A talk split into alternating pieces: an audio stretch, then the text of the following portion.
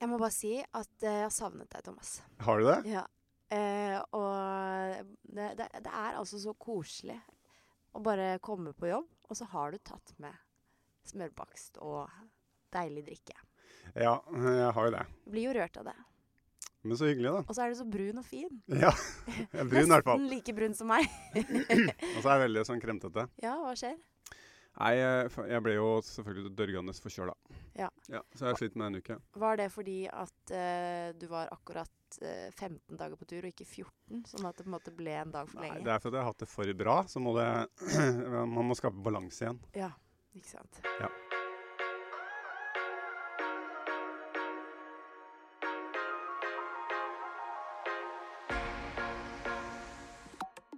Mer krenting enn vanlig. Men det som er Ja. mer uvanlig, at du har tatt med i dag, det har ikke skjedd eh, siden Nei. sånn episode 2-3. At du har altså med deg et inkassovarsel fullt av notater. Ja, det er ikke, og jeg har ikke åpna ennå, da, for det lå jo en bunke selvfølgelig når jeg kom hjem Ja. fra tre ukers tur. Ja. Som det da pleier å gjøre. ja. Er det, Eh, denne gangen er det DNB som har eh, sendt deg noe. sikkert noe varsel om at kontoen er tom. Ja. er Overtrukket. Vil du ha mango eller eh, Vet du hva, pineapple? det skal du få lov å velge. Da går jeg for mango. Da får du pineapple. Jeg vet at du er glad i mango, men Ja, tusen takk. skål, da. Skål. Nei, men det, har vært veldig, det var veldig hyggelig. Vi hadde jo en diskusjon, eh, jeg og mine barn, eh, s- siste frokosten. Ja. Hvem eh, vi savna mest når vi kom hjem. Ja. Og du, men du var dessverre ikke på lista, da. Altså, vi, vi, jeg kunne ikke ta med deg der. Hvorfor fortalte du den historien til meg nå, da? Helt ulogisk for meg. Jo, for det var at eh, vi, det var jo to hjemme som venta på oss. Ja. Det var en hund og en eh, mor-kone. Ja. Eh, og mor-kone vant 2-1. Ja. Men poenget var at eh, det d- d- Jeg har også savna deg. Ja. Jeg har savna deg òg. Ja. Eh, Dette her er jo et lite sånt eh, Det er høydepunktet i uka. Det, det er et lite høydepunkt i uka. Ja. Men jeg er veldig nysgjerrig på lista di. Har du lyst til å starte i dag?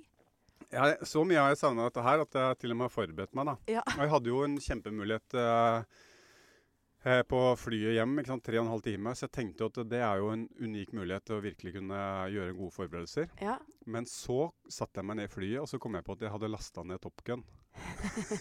så da sto Det valget trumfet alt. mellom Top Gun eller Den forberedelser. nye Top Gun. Og da vant Tom Cruise. Ja. Han gjorde det. Ja, men den tar jeg faktisk. Ja, men jeg, satt, jeg tok i morges, da, så du ser jeg har vært stressa. Og når jeg, det er kaffesøl utover hele og alt sånt der. Ja, men du kverna bønnene selv, og det var en god kaffe, tenker jeg. Om det var. Så jeg er godt forberedt, har med briller. Kom Ja. igjen, hva vil du? Ja, jeg vil at du skal eh, take it away, rett og slett. eh, Thomas Alsgaard. Nei, men hvordan har det vært her hjemme? Hvordan har det vært på Skal vi danse? For at det har vært lite snakk om det i Hellas. Jeg har ikke kunnet lese noe om det i greske aviser. Nei. På Nei, nå, restaurantene så har de vært opptatt av andre ting. nå er vi jo halvveis. Ja. Ehm, og eh, vi er over halvveis, faktisk. Det har vært veldig gøy. Jeg syns forrige program var veldig rart. Eh, det er jo alltid et sånt program, eh, har jeg, fått, har jeg skjønt. Ja. at, eh, som er litt sånn Crazy Night eller et eller annet sånt. Eh, og i år er jo et eh, år hvor vi har mulighet til å teste ut litt forskjellige ting. Ja. Eh, og i mitt hode så syns jeg kanskje ikke forrige kvelden funka så veldig bra. Eh, og det var litt sånn det, det treffer meg overraskende hardt. Men, Fordi da, men kanskje folk tenker da Dere er programleder, det er jo dere som styrer hvordan programmet skal være. Ja, vi er jo med på det, selvfølgelig. Men så er det alltid masse x-er og y-er, og så forandrer ting seg underveis. Ja. Eh, og så mm, Ja. Så det, det syns jeg var Jeg er jo så glad i Skal vi danse, ikke sant? Så nå har jeg litt kjærlighetssorg etter forrige program. Men eh, det lover godt eh, fremover. Ja. Ja. Nå var det jo din kjære som røyk ut. Ja da, det er nå én Eller det ting. var jo Agnete, egentlig, da. Agnete, ja. Med ja.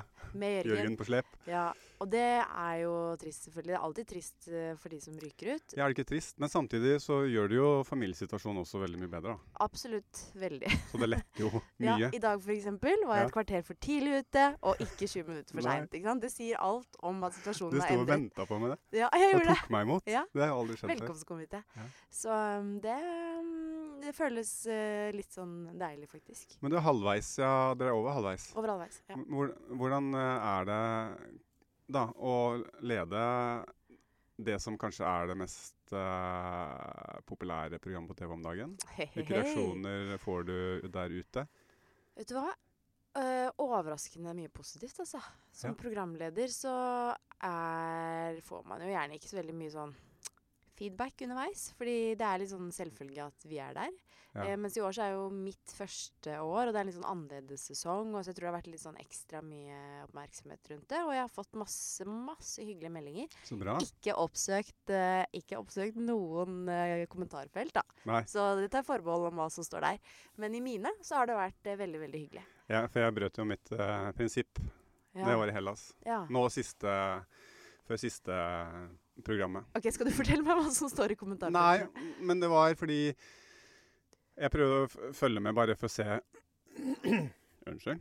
Det går bra. Jeg bare prøvde f- å følge med for å se hvem som uh, røyk ut. Ja. Og så går det så seint oppdateringene på nettavisene, så, så tenkte jeg at jeg kan jo bare s- laste ned Jodel. Eller et Jodel, ikke Ja. på Jodel. For der er jo folk Der er på sekundene, ikke sant. ja, ja. Og det blir man jo også så deprimert av. Ja. Det er jo så mye drit, ass. Ja.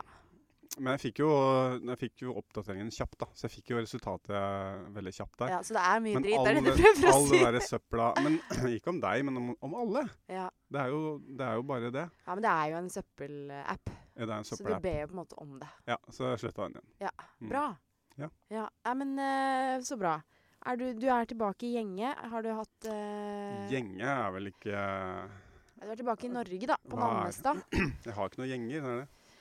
Holdt jeg på å Ka si. kaffekopp og tra trammen om morgenen og sånn. Det er jo ditt gjenge. Ja, det ble ikke kaffekopp på trammen eh, i morges. da, så når Jeg er vant til 25 varmegrader og strålende sol, og så er det eh, 12 sekundmeter i kastene og 9 grader. Nei, det var ikke en eh, behagelig morgen. Frista ikke veldig, ass. Jeg orka ikke å gå inn med bikkja engang. Det Å, fikk fy eh, søren. Er du Rønnaug så gjorde. lat? Jeg er ganske lat, altså, egentlig. Du er, en- du er en solskinnsløper, du òg. Men jeg er lat. Jeg gjør bare det jeg har lyst til. Ja. Ingenting annet. Det er litt overraskende, faktisk. Ja. Jeg, eh, vi har jo tenkt at vi skal ha en eh, lytterspørsmål-episode. Ja, men Skal vi ønske velkommen først, eller? Ja. Det skal vi gjøre. Hjertelig velkommen til oss i Alsgaard og Olafsen. Denne gangen er det Thomas og jeg som sitter her. Og vi har tenkt å kjøre en lyttespørsmål-episode, fordi vi får en del eh, spørsmål fra dere som hører på, og det syns vi er veldig gøy. Og vi har fått eh, spørsmål i eh, ja, et vidt spenn denne Ja. gangen, vil jeg si. Skal vi si sånn som alle pleier å gjøre. Det har vært vanvittig mye spørsmål. Det har, Det ikke, har ikke vært, det, altså. det har ikke vært vanvittig mye spørsmål, Nei, men det har vært eh, skuffende lite, faktisk. Noen spørsmål. Mm. Såpass ærlige. Vi skal være de som er ærlige da, og si at det var skuffende. Men det har vært en del eh, spørsmål. og Det har vært veldig mye spennende ting. Ja. Og så en del sånne morsomme, mange som eh, har det gøy da, vet du. Syns det er gøy. Syns det er morsomt. Tulle litt. Tulle litt, tøyse og Mm. tulle. Det er viktig å tøyse og tulle. Men skal vi, jeg prøvde å dele inn spørsmålene litt da, i kategorier, eller har du noe mer på lappen din som du vil ta, ta før vi begynner på spørsmålsrunden? Nå har jeg svart på spørsmålene eh, på lappen der. Du har det, ja? Ja. One size fits all seemed like a good idea for clothes Nice dress. Uh, it's a it's a t-shirt. until you tried it on. Same goes for your healthcare. That's why United Healthcare offers a variety of flexible, budget friendly coverage for medical, vision, dental, and more. So, whether you're between jobs, coming off a parent's plan, or even missed open enrollment, you can find the plan that fits you best. Find out more about United Healthcare coverage at uh1.com. That's uh1.com. Ok, nei, men da har vi delt inn eh, spørsmålene deres i litt kategorier. Og først så er det da om trening og idrett. Det er jo naturlig at vi får litt eh, spørsmål i den retninga. Ja. Og da er det først fra Ole. Oppbygning til mesterskap mentalt. Hvordan gjør man det? Ja. Eh, og her er må man Du jo- har vært i mesterskap, du. ja, Skal jeg liksom svare? Jeg kan jo svare på hvordan jeg gjør det. Ja, du er jo en champion. Snakke Ja. Kanye West-sitat der. Jeg eh, eh, er jeg, Det kommer jo an på ma- hva man snakker, da. Hvor lenge før og sånn. Eh, men Ja. ehm, Ja, for det er mange forskjellige perspektiver. ja. det er jo det. Og av, av og til så har man kanskje ikke så god tid. Er det sånn men livsperspektiv? Er det ettårsperspektiv? Er det fireårsperspektiv? ja. Hva eller slags er det- perspektiv jobba du i? Eh, vi flere. Oi. Nei på meg. eh, Jobbet jo langsiktig, men altså Det er det som er litt gøy med idretten, da. At eh, jeg følte at jeg jobbet langsiktig og prøvde virkelig å være litt sånn derre stein for stein-person. Og jeg likte jo hverdagene, da. Så jeg Ja. synes jo liksom Så jeg var jo dag for dag-perspektiv først og fremst. Ja. Absolutt. Ja. Ja, jeg tenkte veldig Eller det er feil å si at jeg tenkte lite på OL, f.eks. eksempel fordi eh, sånn som OL i Vancouver, mitt første OL, så var det sånn Da hadde vi prøve-OL året før. Ja. Jeg tenkte meg gjennom den løypa ganske mange ganger hver dag frem til OL. Så jeg tenkte jo på OL. Men det var mer som en sånn Når jeg var sliten, f.eks., i et bakkeløp, Ja. så begynte jeg å kjøre den løypa når Ja. jeg var veldig sliten. Hvis du skjønner. ja, ja. Sånn, men sånn for å gjøre det gøy, da. Ja. Gøyere. Eller mer Men da snakker vi om visualisering. relaterbart. Ja, mye visualisering, ja. Mm. Det er egentlig Så vært hverdagen, min hovedgreie, tror jeg. det var hverdagen. Ja. Men hvis jeg hadde spurt deg i september Ja. året før Ja. Vancouver, hva er målet ditt denne sesongen? Så hadde du sagt. Hvis du hadde vært journalist, Mm. ja, da, hadde Det er jeg sagt, da måtte jeg jo sagt OL. Ja. Alle gjør jo det. Ja. Jeg har også gjort det. Ja. Men det er jo ikke det som er hovedmålet. Nei da. Men det var jo det er, mul det er jo den måten man kan drive med idrett på, da.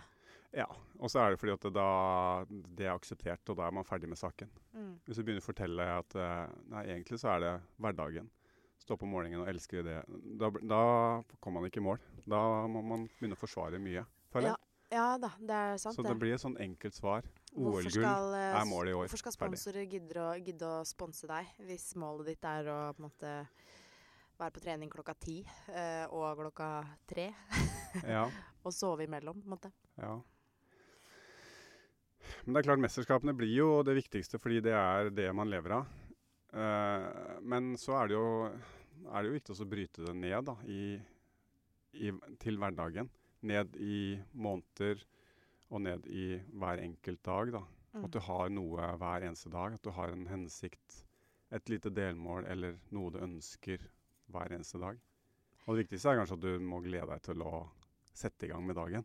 Når Ja. du står opp, så gleder du deg til å sette i gang, fordi du vet nøyaktig hva du skal gjøre. Og hva som motiverer det, er jo det som er viktig å finne, tror jeg. da. Ja.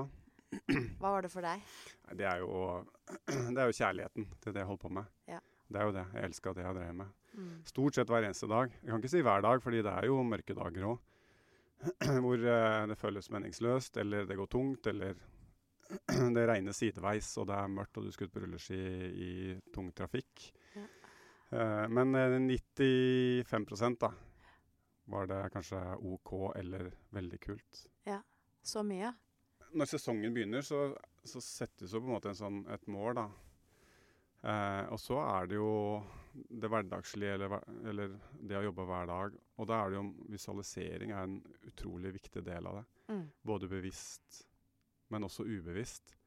At jeg Hvordan må- bruker du, vis- eh, Kan du gi et eksempel på hvordan du brukte visualisering? Vet du hva, Jeg kan ta et eksempel fra min datter. Ja. For Det er veldig tydelig og veldig kort konsist. fordi Vi drev og klatra mye sammen når hun var eh, yngre, når hun var åtte-ni år. Og når hun var åtte år, så hadde vi hjemme i garasjen eh, Der har jeg sånn buldrerom. Kjem- eh, Hele andre etasje er eh, klatring. Eh, og så hadde jeg laga en rute til henne som var ganske hard. som Hun, var, hun hadde som mål å klare, men hun kom liksom bare halvveis. eh, og var litt sånn frustrert. Og så husker jeg Vet du hva, hun var yngre enn det òg. Men jeg husker i hvert fall hun våkna en morgen, og så satt vi til frokost, og var hun litt sånn stille, og så snak- begynte jeg å snakke litt med henne, og så spurte jeg hva er det for noe? Nei, hun drømte s- så rart i natt. Og så s- var det sånn, jeg hva drømte om? Nei, jeg drømte at jeg holdt på med den klatreruta på garasjen, og så Ja. drømte jeg at jeg klarte det. Ja. Og så sa jeg sånn, ja, det er interessant da, har du lyst til å prøve da? Ja, hun hadde vel lyst til å prøve nå da.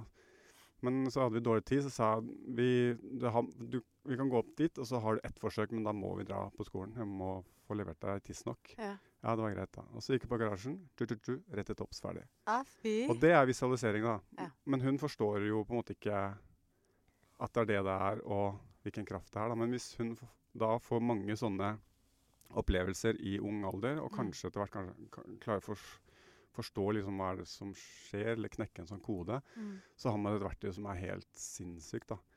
Det er jo, det- Kanskje hun har egentlig lært det. Det var jo det Jens snakket om, at for å lære så må man enten repetere mange ganger, eller Ja. ha en sånn Ja, pow-opplevelse, da. Ja. Så kan det hende hun har lært det, men det var jo kanskje mindre eierskap fordi det var sånn ubevisst visualisering. det var u- veldig ubevisst. Ja. Men allikevel så viser det hvilken kraft det har da. Ja. Og jeg har vært flink, føler jeg, til å bruke det veldig bevisst. Mm.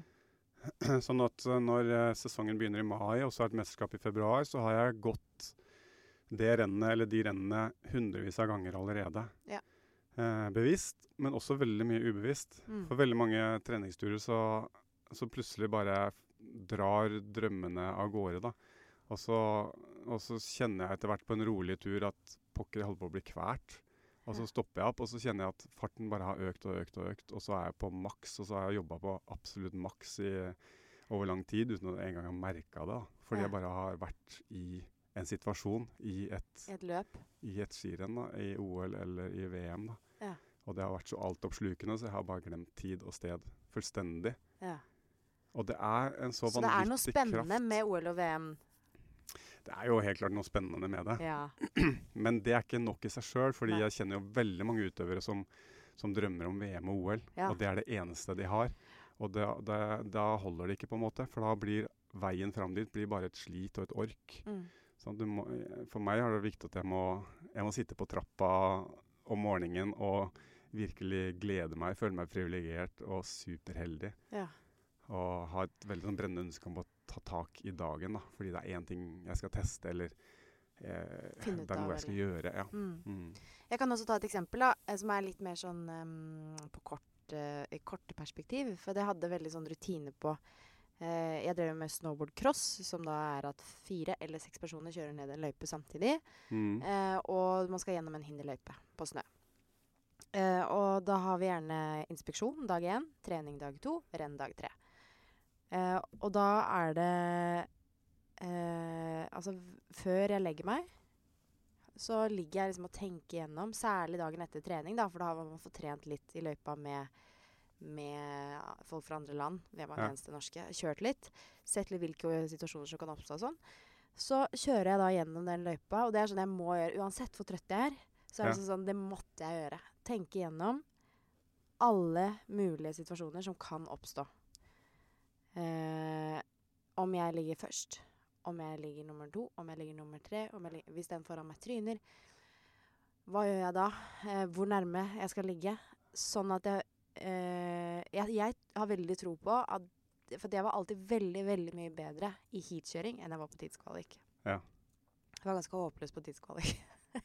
For jeg tok bare den løypa jeg syntes- eller den eller, linja jeg syntes var morsomst, og ikke nødvendigvis den raskeste. Ok. Så, men i hvert fall, jeg tror at det gjorde at eh, jeg var så mye mer forberedt på alle situasjoner som kan oppstå. For at det, man, eh, når man er i det, så vil Mm. jeg ikke tenke sånn Å, jeg skal ligge 20 cm bak Nei, brettet. det Ikke er sant? ikke tid til Man å har ikke tenke. tid til å tenke det. Nei. Men når det skjer, så Ja. er det Jeg tror at det ga meg et kjempeforsprang. Da. At jeg kunne reagere mye raskere. og At jeg var At jeg holdt, beholdt roen når jeg trengte å beholde roen. For jeg visste Mm. at jeg kan ikke kjøre forbi her uansett. Mm. Ikke sant? At det var på en måte inni kroppen, da. Eh, så jeg tror at det eh, å visualisere helt klart kanskje var mitt viktigste våpen, da, hvis man så kan bruke en sånn klisjé. Ja, men akkurat det samme gjorde jeg. Ja. Det er fast rituale, og det er også en del av visualiseringen på, på kort sikt. da. Mm. Det har helt, vært helt fast for meg eh, kvelden før løp, så er det å ligge på senga med beina oppe til veggen. Ikke at det har noe effekt i seg sjøl, men det er bare at det skal ikke være noen andre forstyrrelser. er vel kanskje det som er poenget. da. Så hvordan jeg løser det, er bare Jeg gjør det på en måte som, eh, som gjør at jeg kun, kan ha full eh, fokus på det jeg vil. da. Mm. Og så i hvert fall tenke eh, at en har en halvtime til rådighet med full stillhet og ikke noe annet, men bare prøve å tenke gjennom hva er det jeg ønsker å oppnå i morgen, hva er det jeg ønsker ikke skal skje. Alle s- tenkelige, utenkelige scenarioer, situasjoner. Mm. Og så er det en sånn, som du sier, da, det gir en sånn veldig forberedelse og, og kraft som er, ikke er så lett å forklare. da. Og så skjer jo aldri det jeg har drømt om eller det jeg har tenkt. Nei, det ikke skjer alltid noe nøyaktig. annet. Men det gjør at når jeg kommer på startstreken dagen etterpå, så plutselig får jeg en sånn veldig ro. Fordi jeg har vært gjennom Ja. alt 100 ganger før. Så jeg kan bare slippe alt. Ingen strategi, ingen tanker, ingen plan, ingenting. Ja. Jeg kan bare s- senke skuldrene fullstendig og bare glede meg til å gå, fordi jeg vet at uansett hva som skjer, så har jeg vært borti det før. Så gøy. At vi, Ja. Det er jo veldig likt, da.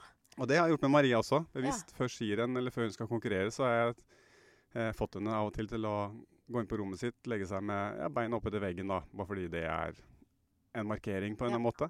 Ja. Og hun også har veldig god effekt av det, eller Ja. f har veldig sånn følelse om at dette her gir noe ekstra. da. Ja. Så visualisering skal man aldri undervurdere. Og det kan man gjøre, en sånn øvelse kan man gjøre uansett hva man skal inn i når det er noe viktig. Mm. Bare sette av litt tid, gå inn i sitt eget hode og tenke gjennom. Jeg har også brukt det veldig mye når jeg har vært skada. Ja. Veldig, veldig mye. Og jeg har ganske tro på Jeg har et sånt eksempel, for det, eh, drev, jeg hadde liksom bytta gren til slopestyle en periode. Så akkurat jeg lærte meg en del nye triks, ble skada. Ja. Så tenkte jeg sånn Faen, nå må jeg begynne helt på nytt. Men så lå jeg hver dag og tenkte liksom utgang, utgang, land. Ikke sant? Ja. Og da jeg kom tilbake, satt det. Ja. Det er veldig rart. Ja. Kjemperart. Men har, det er, nå er ikke din gren like sånn Nei, teknisk, den er jo på en mye måte. kje- Men Ja, den er mye dårligere, selvfølgelig. men har du, Langrenn. nei, nei, men ikke det. Men jeg skulle spørre om Fordi noen Jeg har ganger når jeg ligger og visualiserer, så Ja. har jeg jo eh, bare tryna. En ting er jo resul- resultat og hva man ønsker å oppnå. Det har jeg brukt eh, mye tid på å visualisere. Men det andre er jo teknikkarbeidet. Ja. Og det jeg har sagt i foredrag, og som jeg har sagt til mange unge utøvere, er at jeg har brukt mye mer timer på teknikkarbeid på sofaen eller på senga enn jeg har gjort ute i løypa. Ja. Og det går jo på at jeg, det er mye lettere å løse en teknisk utfordring som går på mm, bevegelse i fantasien enn ute i sporet. Mm. Så jeg har prøvd å få det til eh, i hodet, i tankene, hvordan jeg vil at det skal se ut. Prøvd å Ja. kjenne litt på hvordan det føles. Eh, Kjenne rytmen, kjenne flyten, kjenne bevegelsene og innarbeide det i fantasien. Mm. Og så er det veldig ofte jeg kommer ut på snø dagen etterpå, så plutselig kan ting sitte. Mm. Mhm. Helt enig. OK. Jeg håper det var et godt eh, svar. Jeg følte i hvert fall det var gode svar fra Alsgaard Olafsen her på første spørsmål. Bedre enn blir det ikke, det kan vi love. Neste spørsmål er fra Sara. Har dere opplevd eh, trening i de ulike tiårene forskjellig? 20, 30, 40. Hva endrer seg? Hva er den største forskjellen på hvordan dere trener nå og da? Stor, det er jo Ja, en- det er stor forskjell. Ja, det er jo, utfordringen med det er jo at eh, vi har jo endra fokus Ja. hele tiden, i hvert tiår. Ja. 20-årene så var jeg jo aktiv skiløper. Og 30-årene så var jeg jo, drev jeg jo et langløpslag mm, pluss 1000 andre ting, da. Og trente litt grann bare for å være med på et og annet løp for moro skyld sjøl. Ja. I 40-årene. Litt det samme. 50-årene nå er det jo nå er det Bråstopp. klat, klatring og, og trim, ikke sant. Ja. Men, jeg, men det, det man kan, jeg kan prøve å referere litt til Anders Aukland, da, som jo er eh, en av mine gode gamle venner og gamle konkurrenter. Vi har jo konkurrert sammen siden vi var 10-11 år, vel. Mhm. Han er fortsatt aktiv. Mm. Og han har jo snakka en del om det, hvordan det forandrer seg. da. Eh, og hvordan han er nødt til å ta hensyn til eh, hvor, hvordan kroppen responderer i de forskjellige tiårene. da. Det er veldig spennende å høre. Og, og kanskje vi kan invitere han og få han som gjest Ja, det synes en gang, for å, å snakke litt grann om det. da. Men det er veldig tydelig at eh, du mister jo en del etter hvert når du blir eldre. Sant? Du mister jo en del spenst. eh, du mister en del eh, Hva skal jeg si eh, ja, kanskje snert. eh, men så får du andre ting isteden, da. Kroppen trenger lengre tid på å restituere. Ja. Hvis du blir skada eller noe sånt, så trenger du mer tid for å komme tilbake igjen. Alt er litt sånn eh, litt seigere. Men samtidig har du en veldig sånn rutine, og du har fått så mye erfaring at du kan luke bort ting Altså Du vet gan- veldig godt hva kroppen din ikke responderer så godt på. Kan du luke det vekk, og så Mm. heller fokusere på det du, det du vet gir bra nok utbytte? Men for å sånne ting. stille deg et mer sånn konkret spørsmål, er det ting du har lært etter at du la opp som eh, funka bra for deg, som du kanskje ikke turte å Ja, Ja? masse. Det syns jeg er veldig spennende. Det kunne jeg snakka masse om, fordi jeg var jo mest kreativ eh, når jeg var junior. ja. Den tida hvor eh, ingen stilte spørsmål ved alt jeg gjorde hele tiden, og ingen krevde resultater av meg hele tiden, eller svar på alt jeg gjorde. Sant? Så jeg, Mm. ku- jeg hadde liksom den friheten å kunne teste ting og, og gjøre Ja, gå mot, eh, mot det faste og vante, da. Mm. Og så kom jeg inn på landslaget med det mer etablerte, og sammen med de beste i verden, så er det jo selvfølgelig enklere å, å følge de. Mm. Det er ikke noe vits i å finne opp kruttet når du har Bjørn Dæhlie på laget, liksom. Og Det er jo enklere å diskutere med han og, og ta del i hans erfaringer. Mm. Så det døde nok litt av kreativiteten, da. Så hadde jeg masse ideer og masse tanker, men som jeg ikke turte fordi risikoen ble for stor. Ja. Når jeg var best i verden, så Men for er det sånn eksempel, hva da? Nei, eh, det, det jeg kan si er at når jeg slutta da, og fikk på en måte tilbake litt den friheten, eller det, er ingen, det spilte ikke noen rolle lenger, så kunne jeg teste ut mange ideer, så, så var det en del spennende ting, da, blant annet eh, med, med styrketrening. Mm. Mm, fordi når jeg holdt på, så var det jo veldig etablert. Styrketrening to ganger i uka, det var nok, så ikke ha for mye av det, for det var farlig, da. Mm. Og så plutselig så eh, tar jeg mot til meg og oppsøker Espen Jansen, som er turner. For det hadde jeg veldig lyst til når jeg var aktiv, for å få litt mer innsikt i, i styrketrening. da. Mm. Og så møter jeg han, og, så, og de trener jo styrke tre ganger om dagen. Mm. og det går greit, da. Ja. Eh, som skiløper så er det veldig vanlig at man har eh, utholdenhetstrening først, og så styrke etterpå. Eller utholdenhetstrening, intervaller på formiddagen. Styrkeøktene er på ettermiddagen. Ettermiddagsøkter. Mm. Og så plutselig snudde jeg litt på det, og så kjørte jeg en beinhard eh, styrkeøkt med Espen Jansen eh, i turnhallen. Da. Så arma hang ned på knea, og så dro jeg rett ut på rulleski og staka hardt i tre timer. Mm. Og det ga en sånn vanvittig effekt. Altså Arma var jo lamme første halvtimen, men så plutselig så kom det en sånn vanvittig energi. Da. Jeg følte meg råsterk de neste to og en halv timene. Ja. Neste tre timene. Det var veldig spennende. Ja. Trening på fettforbrenning ja. er jo noe som man Før frokost. Ja, før frokost eller uten frokost. Mm. Eh, som jeg prøvde å diskutere med det etablerte på idrettshøyskolen og Olympiatoppen. og sånn. De vil ikke ta i temaet engang. Nei. Livsfarlig å snakke om. Det hadde Så vært det er veldig lite spennende å høre om, fordi forsket der er jeg så håpløs. Ja. Altså, det føles ut som en ting man må vende kroppen til. For det har jeg aldri Jeg har alltid vært livredd for å være sulten, for jeg blir et dårlig menneske da. ja. Men eh, og jeg også syns at det fungerer så dårlig, så jeg har aldri drevet med det. Jeg har ikke hatt noe behov for å drive med det heller. Nei. Eh, men jeg merker jo altså som Jørgen for eksempel, som har drevet med dansing. Det er Mm. mye vanligere. De går på, f- går på fett veldig lenge, da. Ja, når jeg eh, var aktiv, så var det jo veldig viktig å få, inn- få i seg frokost. Men jeg var ikke noe glad i frokostene. Det syntes jeg var slitsomt. Men jeg Ja. trua i meg to brødskiver. Ja. Så når jeg slutta, så var det veldig befriende å bare kunne ah, gi blaffen i det. Mm. Stå opp om morgenen og bare dra rett ut. Mm. Eh, og så opplevde jeg at det fungerte veldig bra. Altså f- for å trene en time, halvannen, så er det jo ingen problem. Eh, og så er det også en sånn hvis du står opp om morgenen og har tenkt å trene, men så skal du spise frokost først, og så må man jo vente litt fordi Maten må magen- synke. den må synke ned, og man skal fordøye det og sånn, og så plutselig så er man i gang med noe nytt, og så er det ikke tid til å trene likevel. Da. Mm. Så det kan være ett verktøy da, for å i tidsklemma f.eks. å bare eh, stå opp og dra ut Mm. og gjøre den treninga. Fordi en vanlig person, en vanlig mosjonist, så er det det er null stress. altså Du trenger ikke frokost, du trenger ikke energien i frokost for å gjennomføre en eh, time med trim, eller halvannen time, eller opptil to timer. Men Nå får du overskriften din, eh, Asgaard. Nei, men det er også noe som Anders Haukeland jeg vet han har veldig erfaring med. da, Mm. At det funker veldig bra. Men så er det jo å trene på fettforbrenning, som, jeg, som man skal være veldig veldig forsiktig med. Og man skal være på et veldig høyt nivå og veldig bevisst, ha et veldig bevisst forhold til seg sjøl Mm. for å gjøre det. Fordi det, det bryter jo ned kroppen veldig, da. Men i mitt hode så er jo trening er jo I sin simpleste form så handler det om å bryte kroppen ned så langt det går, og så gi den tid og rom for å bygge seg opp igjen, da. Mm. Og da er det å tilføre energi og hvile. Jeg husker vi lærte om det på Vang. og Så Ja. hadde vi en syklist i klassen som da mente at man kom i bedre form av å drikke alkohol, for det er jo også å bryte ned i kroppen. Det, det Det var Bare en liten digresjon. Ja. Da, ja, ja. Ja. Nei, men det OK. Det har jeg ikke testa. Nei. Men fettforbrenning har jeg prøvd, og det, det er utrolig effektivt. Men du skal være ekstremt forsiktig med det.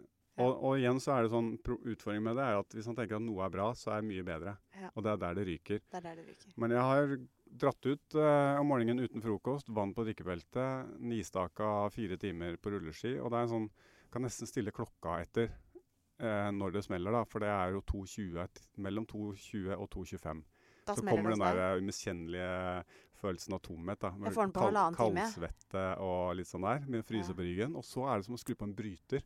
Og så plutselig har jeg enorme mengder med energi. Jeg har bare lyst til å gå på hurtighetsdrag på hurtighetsdrag, bare øke farten og Ja. føle meg på en måte ustoppelig, da. Ja. Jeg møter en vegg, jeg bare. Ja, men du må kanskje gjennom den gjennom veggen, da. det, ja. Ja. Men så er det når du kommer inn igjen, da, så er det også litt skummelt. fordi etter en firetimerstur uten næring og uten frokost, så, så hadde jeg i hvert fall Jeg hadde ikke noen s- følelse av å være sulten. Nei. Men da er det utrolig viktig å tilføre nok med næring, da. Mm. Og hvile også passe på, fordi en sånn eh, treningsøkte bryter kroppen ned så utrolig mye mer enn en vanlig treningsøkt. Så det er viktig å passe på også dagene etterpå. Hvis jeg er litt sliten og er slapp eller ikke er der jeg skal være dagen etterpå, så må jeg ta hensyn til det da, i treningen. Ikke Mm. bare fortsette å pøse på. Og i hvert fall ikke ha noen nye dager eller mange sånne dager på rad. Det er jo Det er jo det som knekker folk, da. Mm. Ja. Men en og annen sånn innimellom. Uhyre spennende, ass. Ja. Mm. Å, spennende. Det var eh, gøy. Hva, Ja. eh, neste spørsmål, da. Det Å, ja. er fra Sofus. Ja. Hva utgjør forskjellen på å lykkes i jakten på å nå resultater? Ja. ja eh, Vi har snakka veldig mye om det før. Vi har det. Mm. Og jeg tror både du og jeg er veldig enige om hva som er den viktigste ingrediensen i det. Og det er jo kjærligheten til det man driver med, og det man ønsker å få til. Ja, for med den så kommer det så mye av- altså nysgjerrighet Alt kommer. eh, ikke sant? Alt, kommer Alt kommer gratis. alt kommer gratis. Mm. Ehm, så det er ikke noe som kan kjøpes for penger, altså. Kjærligheten. Det er jo eh, Jeg vet ikke. Nei. eh, Vi har jo snakket om det mye før. eh, og det finnes jo Altså, i Norge så er det jo veldig sånn eh, opplest og vedtatt at man må elske det man driver med, og at det liksom er må være indre motivert og osv. videre og så videre. Vi har også Ja. diskutert ulike typer motivasjon. Det Ja. går tilbake til eh, Hedda-episoden, hvis du har lyst til å høre mer om det. Ehm, men det er jo også andre Altså f.eks. i Russland, da, eller Kina, Ja. så kan jo Så er det gjerne ikke det kjæ- Er ikke kjærligheten til eh, idretten nødvendigvis som ligger i bånn, men de har en annen tilsvarende Mm. eh, motivasjon, da. At de kan- kan forsørge familien, at de kommer seg ut. At det, det, Mm. er, liksom, det er fortsatt livsviktig. Det snakket vi vel også om med Jens. Ja, det er jo flere eh, måter å være motivert på, ja. Mm, Hvis det handler om å overleve, Ja. så kan det være en drivkraft, det også. mm, Men det er jo interessant med Kina, fordi eh, La oss si kinesisk turn, da, så ta det med en klype salt, da, men det er jo sånn litt, litt sånn eh, I hvert fall eh, rykter, og, og jeg har snakka litt med noen som har vært og sett på kinesisk turn, da, og hvis de på en måte ge- eh, genplukker ut eh, 1000 eh, s- spedbarn mm. og så er det 1000 som begynner. Eh, og så drives de ikke med kjærlighet, men det er beinhardt eh, regime. og så er det e- en som overlever til slutt. Mm. Resten blir borte på veien. Men én overlever til slutt, og han blir olympisk mester. Ja. Men så kan man også stille spørsmålet men, hvor- men er det bare fordi det var det beinharde reg- regimet, eller handler det også om at han ene av de 1000 faktisk veldig tidlig fikk en kjærlighet Ja. til turninga? Ja, det hadde Og vært det han holdt på spennende, med, da. Ja. ikke sant? ja. Så kan hende at kjærligheten til det han driver med, også var den viktigste ingrediensen der også. Selv om utgangspunktet fra start var helt annerledes, da. Ja, det er spennende. Det tror jeg er en egen episode. Det er det. Eh, ok, neste spørsmål da. Fra Trond. Burde tidligere proffutøvere delta mer i rekruttering og trening av nykommere? ja. Du gjør ikke det. Eh, ikke eh, så mye nå, i hvert fall. Nå er det ikke mulig. Men ehm, har vært med litt på noen jentecamper og litt sånn der. Og så har jeg, i år så skal jeg ha en eh, konkurranse for eh, Det miljøet. holder ikke med noen jentecamper, eh, Helene. Eh, du mener at Spørsmålet jeg er måtte hvorfor ikke du engasjerer deg i snowboardidretten i Norge og overtar ansvaret for en eh, klubb med unge utøvere og hjelper de til å bli best i verden og nå sine drømmer. Ja, jeg tror jo ikke at jeg er riktig person til det. Nei. rett og slett. Nei. Jeg mm, tror det gjelder litt som i alle andre ting. At eh, man må se Eller må, være, må, må ville det, eh, for det første. Ja. Jeg er jo Kanskje ikke så pedagogisk, jeg vet da søren, jeg. Eh, Jeg har jo gått på lærerhøgskolen, men Ikke eh, sant? jeg, jeg, jeg tror jeg kunne gjort det med én utøver, f.eks. Eh, Hatt et prosjekt en gang.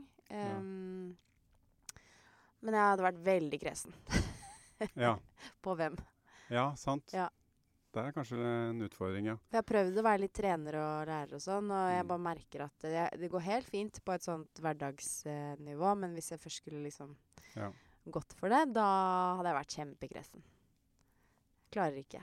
Blir for utålmodig. Ehm, ja. Jeg er ikke noe sånn eh, Ja, jeg måtte nok vært veldig For at eh, hvis man først Jeg orker ikke å holde på med sånn. Det har jeg holdt på med hele livet, liksom. Jeg har vært på håndballag og fotballag, og jeg orker ikke sånn eh, Ja, ja, jeg vil håper bli det. best, og så må jeg drive og vekke det om morgenen, liksom. Det gidder jeg ikke. Jeg holdt på fra 2003 til eh, 2017, jeg. Ja, ja. Med landslaget. ja. Med forskjellige ting, da. Ja. Men i utga- utgangspunktet så må man huske en viktig ting her, da. At det å være verdens beste utøver gjør På ingen måte til Gjør verdens hun beste trener. absolutt ikke. Mm. Og der, der tror jeg faktisk næringslivet har veldig mye å lære av idretten. fordi der er det veldig automatikk i at er du den beste selgeren, så blir du salgsleder. Mm. Og plutselig gjør du noe du ikke kan, og så, og så mister eh, bedriften en vanvittig ressurs. da. PT-prinsippet, er det ikke det? At alle på en måte får fremmes til sitt udugelighetsnivå. Ja, det er kanskje noen prinsipper. Det har ikke jeg noe greie på. Jeg Nei. bare ser det i praksis jeg, gjennom eh, alle de bransjer og sånn jeg har vært involvert i. Det er veldig sånn, Er du flink i noe, så blir du forfremma til noe du ikke er flink i. Mm. Og det er sånn, Der er heldigvis ikke idretten, da. Men man kunne jo kanskje tatt mer initiativ. da. Nå har jeg tatt masse initiativ, føler jeg. Men jeg, jeg er ikke på ingen måte føler at jeg er en god trener. Selv om jeg er en god utøver og har masse kunnskap og føler vel eh, at jeg føler meg ganske trygg på når jeg sier at det, det er eh, få eller ingen i verden som kan mer om langrenn enn meg. Mm. Så er jeg ikke noen god trener. Men jeg kan jobbe med de beste i verden, fordi der kan jeg slenge ut masse tanker og ideer, og så, og så kan vi diskutere det og analysere det sammen. Ja. Men det er litt som deg, å jobbe med barn og ungdom. Nei, Jeg ser Jeg for meg at får det er mark, altså. Jeg har for store krav og forventninger. Ja, må det er s- litt det. De må, de må ville det. Og jeg orker ikke noe tull og, og fjas. Og det er sånn, jeg blir veldig fort utålmodig. Ja, Jeg vil gjerne ha litt tull og fjas, da, men eh, skal bare ha på tull og fjas. riktig sted. Ja, Nei, ja. men altså, også er snowboard en litt annen type idrett, da. Det er liksom ikke trenerbasert på samme måte i det hele tatt. Men jeg ser jo for meg at jeg har veldig lyst til å være håndballtrener, f.eks., eller fotball. Altså sånn når vi blir noe annet. Noe annet kunne jeg gjerne bidratt inn i. Ja. Men akkurat i snowboard så har jeg ennå ikke liksom kjent på at eh, det er riktig sted for meg. Men syns du allikevel at eh, generelt at de som har eh, hatt stor suksess i en eller annen idrett, burde vært flinke til å bidra på et eller annet vis mer?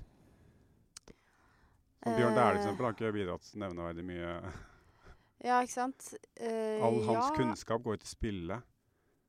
Det er jo trist. Jeg håper jo at Bjørn har lyst til å komme og snakke med oss eh, en dag. En vakker dag. Han er livredd for at vi skal spørre han om eh, Men han kan få høre om gjennom episoden først. formuesskatten hans. ja, nei da. Men eh, han må jo Det har jo stått det, Alle vet jo om det, så det er jo ikke noe Alle vet om det. Ja. Nei, jeg, om jeg generelt syns det? Ja, jeg syns jo det. Men samtidig så er det Jeg har liksom ikke tro på noe sånn eh, Hvis jeg skal det, må være inn- inn- det må være motivert, da. Man må ha lyst til det. Og ha lyst til å Hvis jeg provoserer litt, da.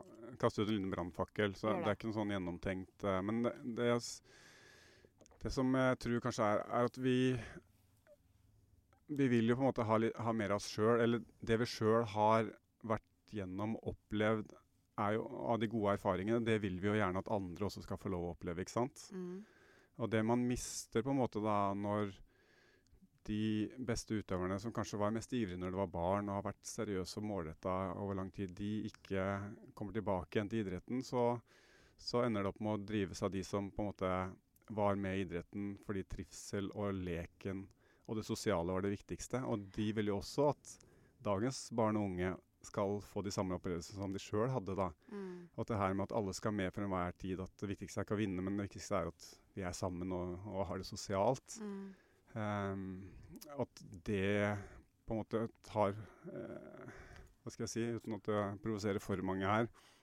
Men du skjønner litt hva jeg mener. Jeg skjønner hva du mener. At At vi man skal ha mistet gode sånn- trenere på eh, l- altså lavere aldersklasser. For når jeg var 9, 10, 11, 12 år og var på skitreningene, så det jeg likte da, var jo at vi Når vi hadde intervall, så var det beinhardt intervall, liksom. Jeg elska å pushe grensene og elska å konkurrere på hvert eneste drag, og det var det jeg likte, da. Mm. Og så er jeg på skitrening og så ser jeg at alle skal med for enhver pris, og så er det på en måte Alt bare f- flyter ut i en sånn lapskaus fordi ingen egentlig Ja. Men mine erfaringer er jo ikke at du nødvendigvis trenger å ha Bjørn Dæhlie som trener for å få Altså for å, eh, for å gjøre en Eller ha en god økt, eller for å lære. Fordi Altså, pappa var veldig sånn altså Snowboard som sagt, er ikke veldig trener... Altså, det er bare å stikke mot bakken og kjører. Men pappa var Ja. veldig, fra jeg var liten, oppsøkte jo gode trenere. Ja. Eh, så vi eh, Jeg hadde liksom eh, noe sånn Det ble jo på en måte spesialtimer, da. Men eh, eh, Og så bytta jeg klubb til Reddy, for de hyra på to gode snowboardcrosser, ikke sant. Så da fikk oppsøkte jo det. Men sånn som på eh, For å si, ta håndball som eksempel i stedet, da.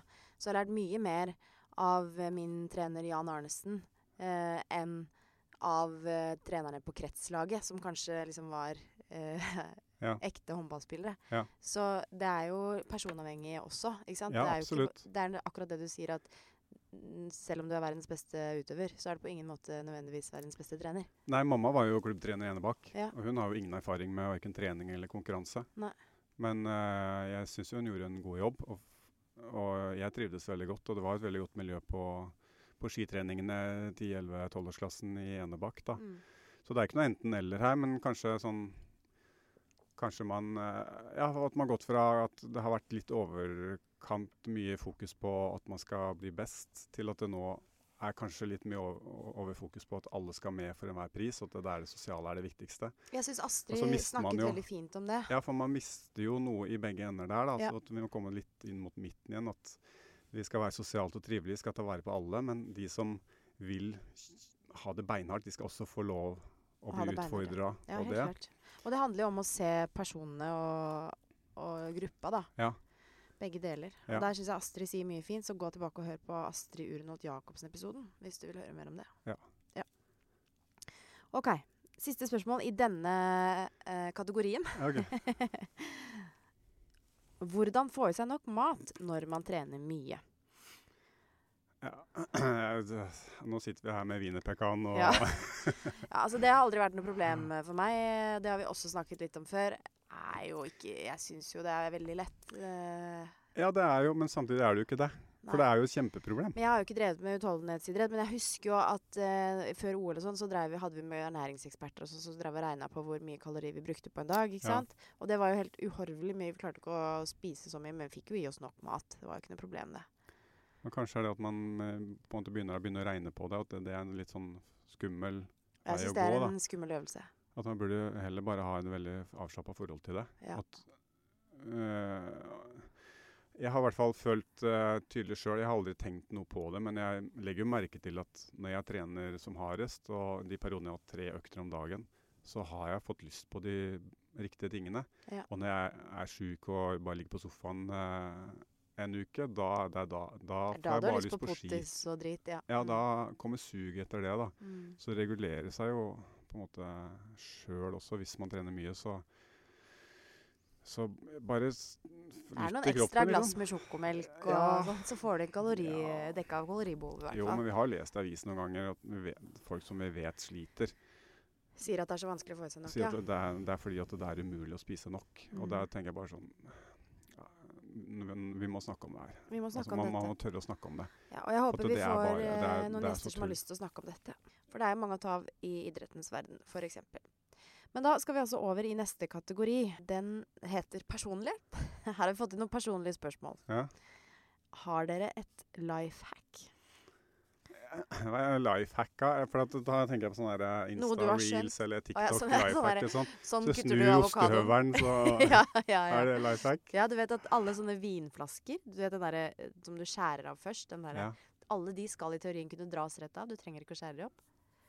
Ja, men det jeg, lærte jeg, jeg på tar den rett av. Jeg skjærer den ikke eh, av for å få korken, og så sitter resten igjen. Jeg tar av hele. Ja, du gjør det, ja. Ja, for det ser mer delikat ut. Ah. Ja.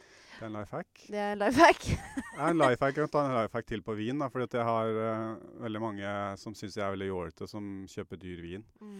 Og de vil aldri bruke så mye penger på det.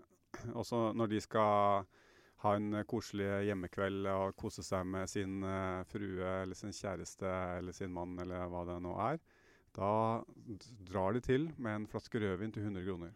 Og det syns de er dyrt, men det skal de gjøre. Og så prøver jeg å si at det er jo helt tullete. Hvorfor kan du ikke kjøpe noe ordentlig? Nei, det er for dyrt, da. Men så neste helg så drar de på, på byen med gutta og kjøper ti øl til 100 kroner stykket i baren.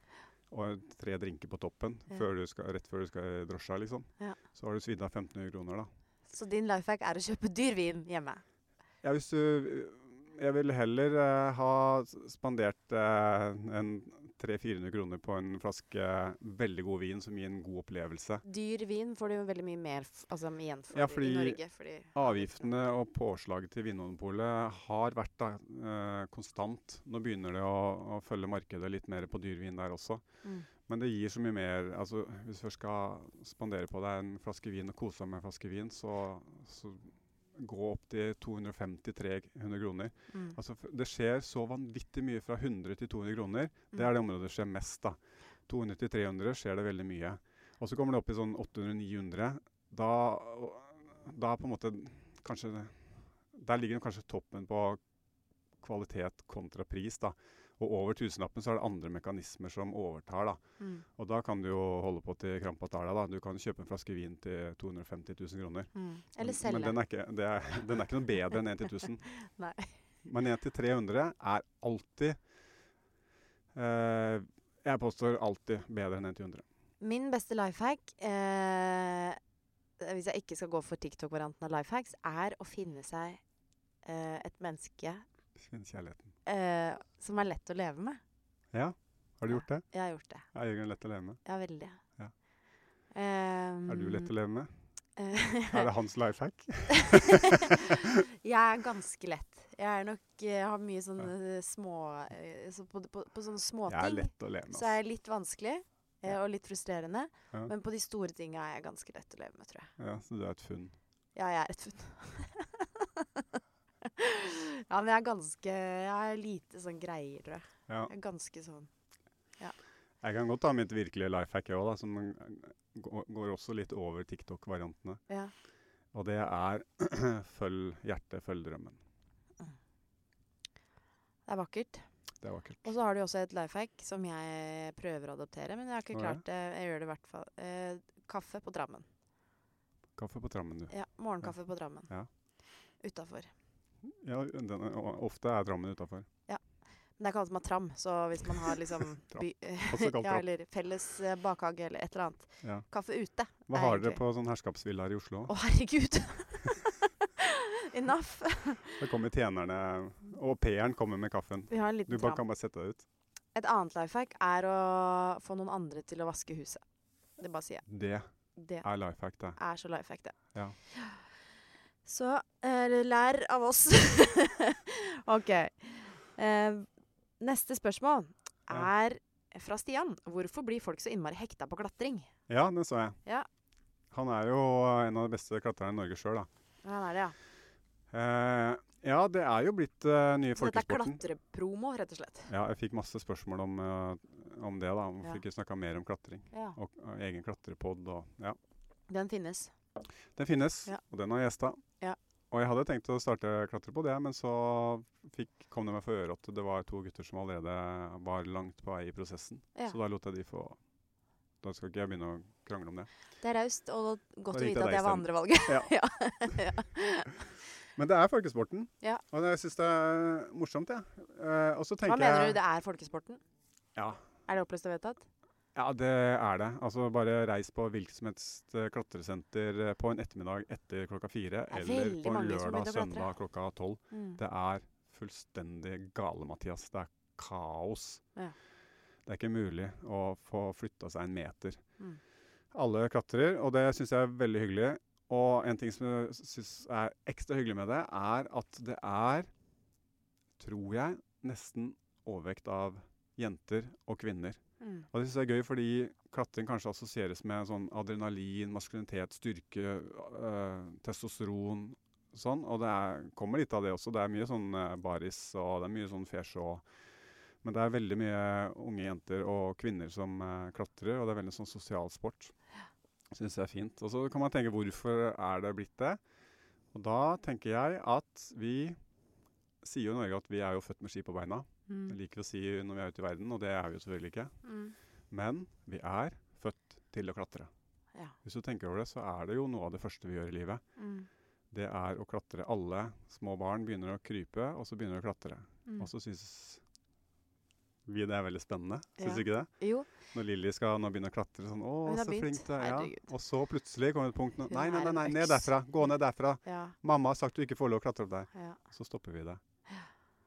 Prøver å Jeg skal prøve å være bevisst det. Jeg tror, jeg tror klatring er veldig tilgjengelig. Det er eh, Alle kan på en måte Ja, det er klare veldig- noe. Veldig Også- naturlig bevegelsesform, da. naturlig. Og så er det forskjellig Altså det er veldig sånn f- varierte vanskelighetsgrader. Alle kan få til noe. Ja. Og så er det noe med den derre Det er på en måte selve sånn bildet på mestring, føler jeg. ja. Fordi du ser, særlig hvis du klatrer på toppet av en rute inne, da, Ja. så skal du følge de gule taka, klinge i bjellen på toppen, liksom. ja. Og da har du klart det. Så det gir en sånn derre eh, en mestring. Du må på en måte kjempe, eh, jobbe for å klare det. Og så er det den der belønninga på toppen. Ja, det er veldig konkret, da. Ja. Enten det er buldring eller tau. Tau krever litt mer, må ha litt mer kurs og, og sikkerhet og gjøre ting riktig. Buldring er jo veldig lav terskel. Men nå finnes det jo sånn selvsikringsgreier også. Det gjør det, og det er jo der det skjer mest ulykker. Det er det, ja. Ja, Hvorfor fordi når det er to som klatrer i tau, så har du to stykker som begge har ansvaret for sikkerheten og Ja. kameratsjekk og dette her. Ja. Eh, men når du er aleine, så er du aleine, og da er det ofte folk går og soser, og så begynner de å klatre, og så har de glemt å feste seg inn. Det Ja. er det som skjer oftest, da. Og Mm. så kommer de ti meter opp i veggen, og så begynner de å bli kritisk, og så, og så ser de for shit, jeg har glemt å feste Å, fy meg inn. faen. Og jeg kjenner flere som har dette ned pga. det. Så det er sånn, eh, ja. Men klatring er veldig sikkert. Men man, må jo, man har jo ansvar. Ja. For å, men det er veldig sosialt, og det er det jeg skulle si. At, Ja. eh, fordi jeg og Maria klatra jo mye sammen når hun var liten, åtte og ni år gammel. Mm. Og det som var så gøy med det, var at vi kunne klatre samme ruter. Ja. Jeg og Maria vi satte pers sammen når hun var ni år. Det er Da klatra vi vilt. begge Vi satt pers på samme rute enn eh, 7A, eller det som er norsk eh, 7 pluss. da. Ja. Og det er ingen andre idretter jeg kunne gjort med henne hvor vi var på samme nivå. Jeg Nei. var ute på ski med henne og var ute og, og jogga med henne, og alt sånt der, men det blir jo kald, ikke sant? du må jo vente. Ja. Og det går jo, ikke sant? Det er en tålmodighetsprøve. Men Ja. klatring var jo på samme nivå. Ja. En bitte liten sped jente på ni år, og jeg som gammel toppidrettsutøver, vi kjempa om Og det var rute hun gikk som jeg ikke jeg klarte, og rute jeg gikk som ikke hun klarte, da. Ja. Eh, Kult. Så som familiesport Vi har også vært på klatreferie hele familien. Da, og vi, da kan vi holde på sammen, fordi en rute som er eh, en utfordring for meg, ligger jo ved siden av en som er eh, en passe utfordring for minstejenta som har fire. ikke sant? Mm. Så mm, vi Og så er det kan- jo veldig koselig hvis man begynner å klatre ute og sånn, ser det ut som. At man liksom, da får man seg en tur i samme slengen, og så står man der på kragget Ja. og knek deler nøttepose med hverandre. Ja. ja. Akkurat sånn er ja, men det er jo det. Veldig romantisk Ja. bilde du malte nå. Klatrere spiser utrolig mye nøtter. Det støtter jeg. ja. OK. Eh, hva gir energi, bortsett fra nøtter? Hvordan opprettholder Helene energi med nattamming, spør meg. Ja. Eh, ja. Det er bare å økse på. Bare ikke kjenne etter. Bare hvor økse på. sliten man er. Ikke begynn med sånn her gønne på. Nei, jeg sier øks. Øks er eh, mitt redskap. Du bruker øks, andre bruker gønner. Ja, ikke sant. Ja.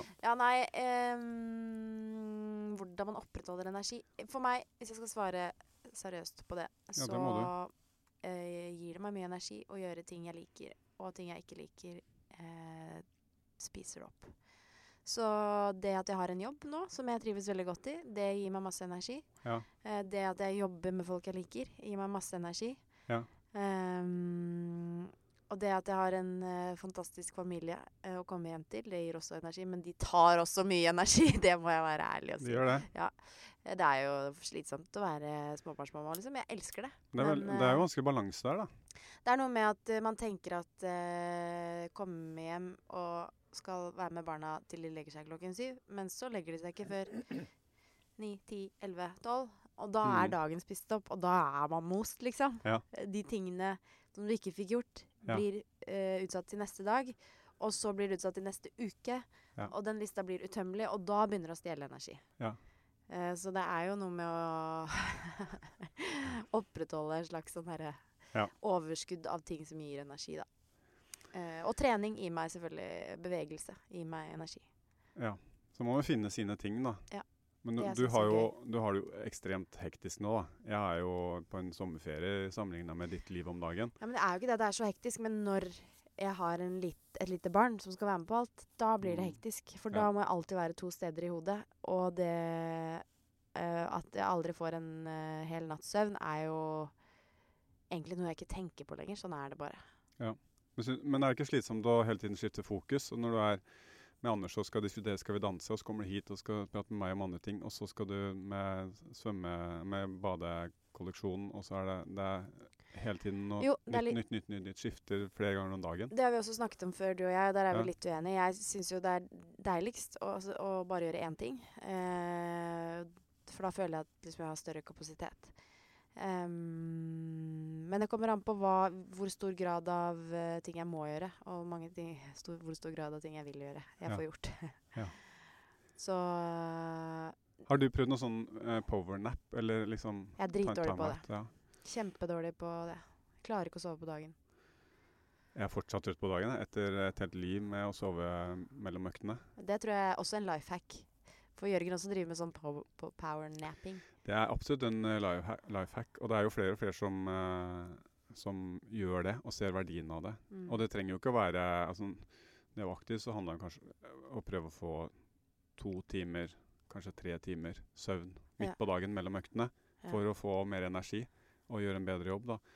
Men i jobbsammenheng så mellom møter kan være nok fem minutter. Og Jeg vet veldig mange som gjør det. Bare legger seg på kontoret, bare lukker øya, lukker u- alt ute. Fem minutter, that's Ja. it. Ja, Anders At eh, det som gir jeg jobber energi. med Skal vi danse, gjør det. Han har sånn, Ja. eh, gjør det hver, re, altså rett før vi skal på hver, hver uke. Så da er han klar, ja. liksom. Ja. Så Det er sånn, Man må finne de greiene som funker for seg, da. Ja. Jeg hadde et eller annet annet på tunga, men det glapp. Så da tar vi det neste gang. Det var ikke wienerpekan. Nei, jeg gleder meg til å ta den, da. Dette er fra Sara. Trening i småbarnslivet. Hvordan? Ja, jeg er ferdig med det, jeg, da. Ja, det har du. Ja, jeg, var- ja nei, småbarn. Jeg, og Ma- jeg og Ingrid trente ganske mye nå i høstferien. Ja. Maria er jo stor, så hun meldte seg jo på alt sånt. Vi var på sånn sportsresort, da. Ja. Eh, charter. Ja. Kjempebra, altså. Utrolig bra sted. Hvor da? I Hellas. Å ja, du dro tilbake til Hellas? Ja, jeg var bare hjemme om å hente unga. Du? De var litt små Eller de hadde ikke, var ikke så veldig greie på å fly aleine ned. Nei. Så da fløy jeg hjem, og så var jeg hjemme en dag, og så dro vi ned igjen. Du er morsom. Du har to sydenferier. Det er så synd for- Ja, det er Ja. veldig gøy. Ja, det var veldig kult. Eh, masse sånn eh, Bare melde seg på alt hele tiden. Og, og Maria var med på masse rart, og hun holdt på aleine og s- var kjempeflink. Ja. Ingrid er litt mer restriktiv. eh, eh, Hva heter det? Reservert. Ja. Hun er jo åtte år. Men hun var med meg og trente. Og da, og da trente vi ordentlig, liksom. Ja. For jeg sier skal du være med inn på gymmen her nå, og, så må du gjøre det samme som meg, og ikke tulle og fjase nå. Gjør vi det ordentlig. Ja. Og da er det skikkelig gøy, da. Ja. For da har vi det veldig gøy sammen. Det er Skikkelig kult, ja. kvalitetstid. Og hun syns det er så gøy. Ja. For da får hun full oppmerksomhet, og det er det barn trenger. Det er det. Så gøy. Mhm. Nok Så det var en min, life hack. mitt- mitt- min eh, trening med småbarn, da. Det vil si en åtteåring. Men du har jo mindre barn. Eh, hvordan trene? Eh, jeg er ikke noe sånn kjempe... eh, altså, jeg prøver, jeg prøver å gjøre sånn transporttrening. Det er en ting som eh, Ja, Du rollerblada jo en del med barnevogna. Ja. Mhm. Det funker jo. Eh, For det Når det først er store nok til å sitte på sykkel og sånn, så er jo det fint. Men eh, det, har jo ikke Lilly, det er jo ikke Lilly ennå. Så da har jeg prøvd å ja, finne Altså rollerblades har liksom vært min ting, for da kan hun ligge i vogna. Ja. Eh, og så er det liksom å få et kvarter her og der. Et kvarter er mye lettere å spørre om. Ja. Så hvis jeg får et kvarter på trampolina, Ja. eh, et kvarter til å Eller sånn s- Før barnehagen så s- tar jeg et kvarter i, i Tufteparken, liksom. At du trener et kvarter? Ja. Jeg, kl- det, jeg klarer ikke å trene et kvarter. Klarer du ikke? Nei, jeg er bare sånn, Hvis ikke jeg har en time, så er, s- er det ikke noe vits. Nei. Men det er sånn yrkesskade, tror jeg. Før var det, Ja, to tror jeg timer. også. Før var det to timer. Nå er det en time. Ja, Jeg må ha det en syns- time, ellers så gidder jeg ikke å t- dra på meg tøy engang og sette i gang. Jeg orker ikke det. Får ikke noe igjen Men du for det, trenger føler jeg. ikke å ta på deg et- Jo, det er for mye Ja, igjen. jeg vet man gjør det. Ja. Ja. Å Men- gjøre litt ordentlig Ja. kontra ingenting er syk forskjell. Og Ja. også litt ordentlig kontra mye dårlig. Det er Ja. også syk forskjell. Ja. Så jeg, jeg føler at eh, det der at man, man trenger liksom ikke nødvendigvis å ha på seg eh, lykra for å telle som trening. Jeg er Løp for til gammel bussen. for lyker uansett. Det er to ting jeg ikke eh, trener i lenger. Det ene er lykra, og det andre er bare overkropp. Nå Nei, er det jeg løper kjørt. bambus og andre materialer som prefereres. Ja. Kan man si det? Jeg, Prefereres. Ja. men jeg tror kanskje det har noe med utgangspunktet å gjøre òg, da. Er det ikke det? Det er helt sikkert noe med utgangspunktet, men jeg tror også at eh, hvis Fordi man, jeg- et jeg- kvarters fokus da, Jeg har så mange venner som trener med PT og sånn. Ja. Eh, og det er litt som å kjøre med GPS, føler jeg. Man lærer seg ikke Nei. å trene. Nei, sant. Det, og Det er man sant. lærer seg ikke å bruke Og jeg kjører med GPS, altså. Det er ikke det. Men eh, eh, hvis man bruker et kvarter Ja. og gjør én ting ordentlig, kjenner etter i kroppen, Ja. så tror jeg det har Da kan man lære seg selv å trene. Selv i voksen alder. digresjon der, for at jeg har vært nede i Jeg har vært nede i Mellom-Europa i 15 år. Sittet på buss og kjørt eh, alt veier som er Tyskland, i Italia, Østerrike, Sveits. Overalt har jeg vært. Og så plutselig så skal jeg s ha mitt eget lag, og jeg skulle kjøre de nedover. Ja. Ante ikke hvor jeg skulle. Kunne Ja, det ikke hadde ikke jeg én hatt vei. sjanser heller. Nei. Nei, nei. Nei, det er veldig gøy. Jeg sitter bare bak og Skylappene. skylappene. Ja. Skremmende. Ok, da er vi nærmer vi oss slutten på spørsmålsrekka her.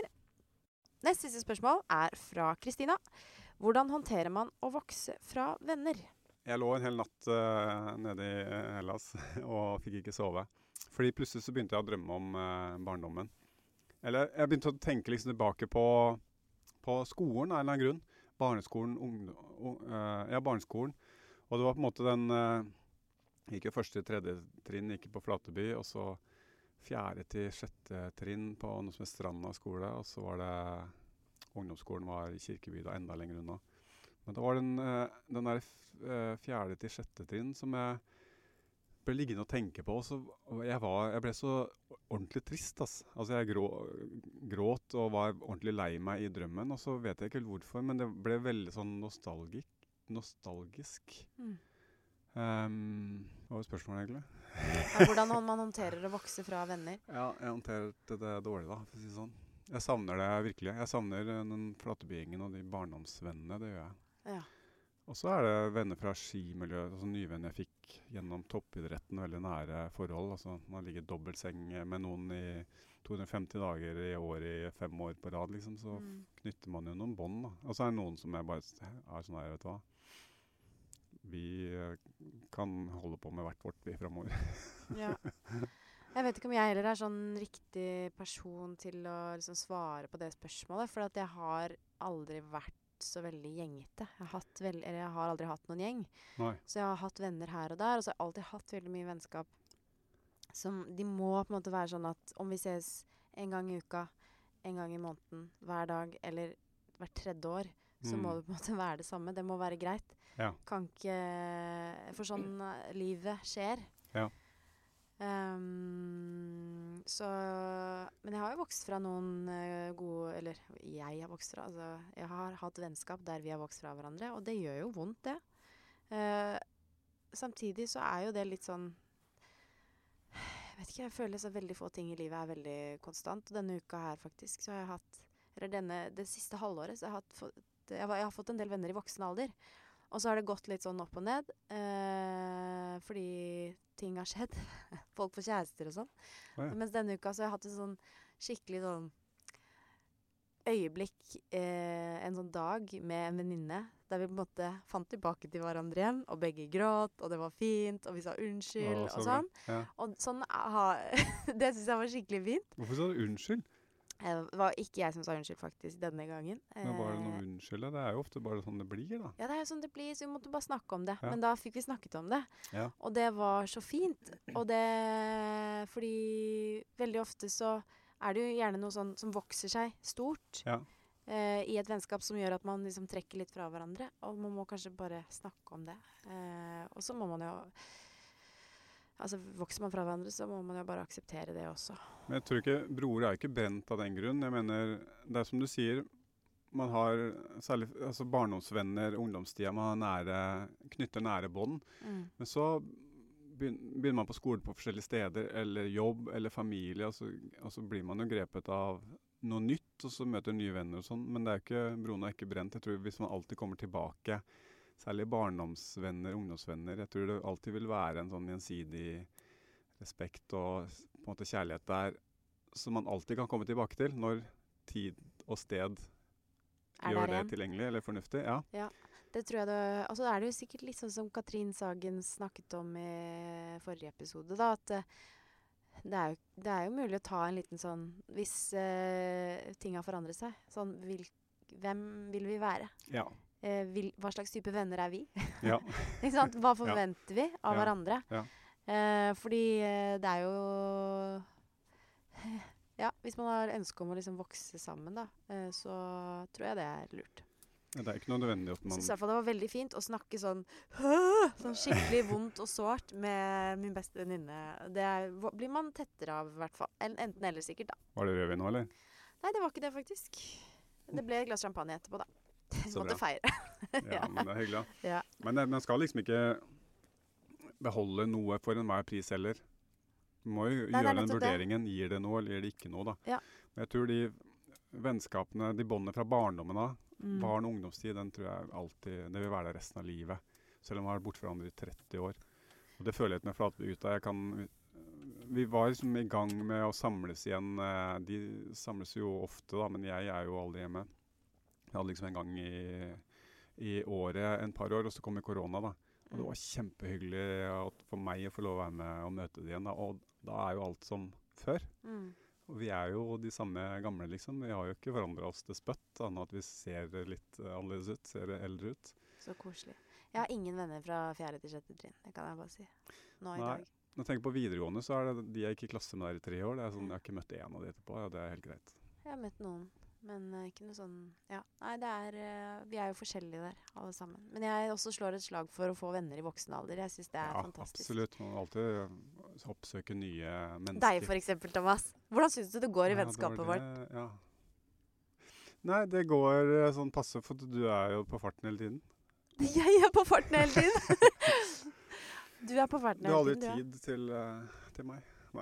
Det var jo det var jo fælt. eh, Ja. Nei, eh, jeg syns det er veldig givende. men, Det syns jeg. men Nei, Det er ikke noe men.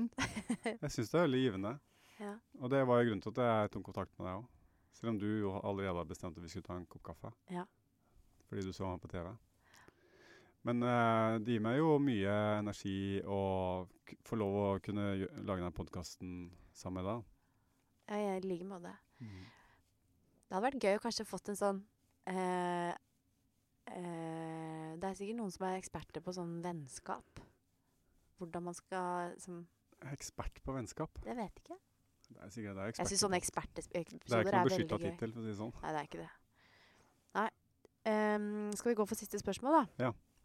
Det er fra Kristine. Hva setter dere mest pris på ved hverandre, og hvorfor? Det Å, ja. var jo litt apropos, Ok, da. ja, ok. Du visste at du kom, du. Nei, jeg visste faktisk ikke det. Skal jeg begynne? Ja, begynn.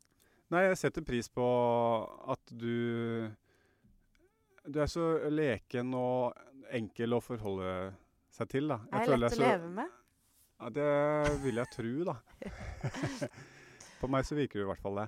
Det er veldig ukomplisert, da, og det liker jeg. Ja. At det går an å på en måte senke garden og ikke være så redd for å s- gjøre noe feil, si noe feil. Det er veldig viktig. Eh, at man kan tulle og fjase om ting, samtidig som det også går an å ha interessante og dypere og spennende samtaler. Det er noe jeg setter pris på. Mm. Så det gir meg mye energi, da. Og din, eh, din karisma og, og væremåte, og, og at du alltid har en sånn utstråling.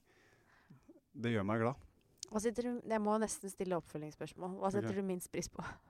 Nei, hvorfor det? Fordi eh, du har jo slått et slag for at man ikke alltid skal lage en god dag, og jeg er veldig opptatt av at man det- jeg, ja, men jeg, altså, og I så dag blir kan vi jeg, lage en god ve- og dag. så blir jeg veldig Jeg har ikke slått et slag for at man ikke skal lage en god dag. Nei, det var litt satt på spissen.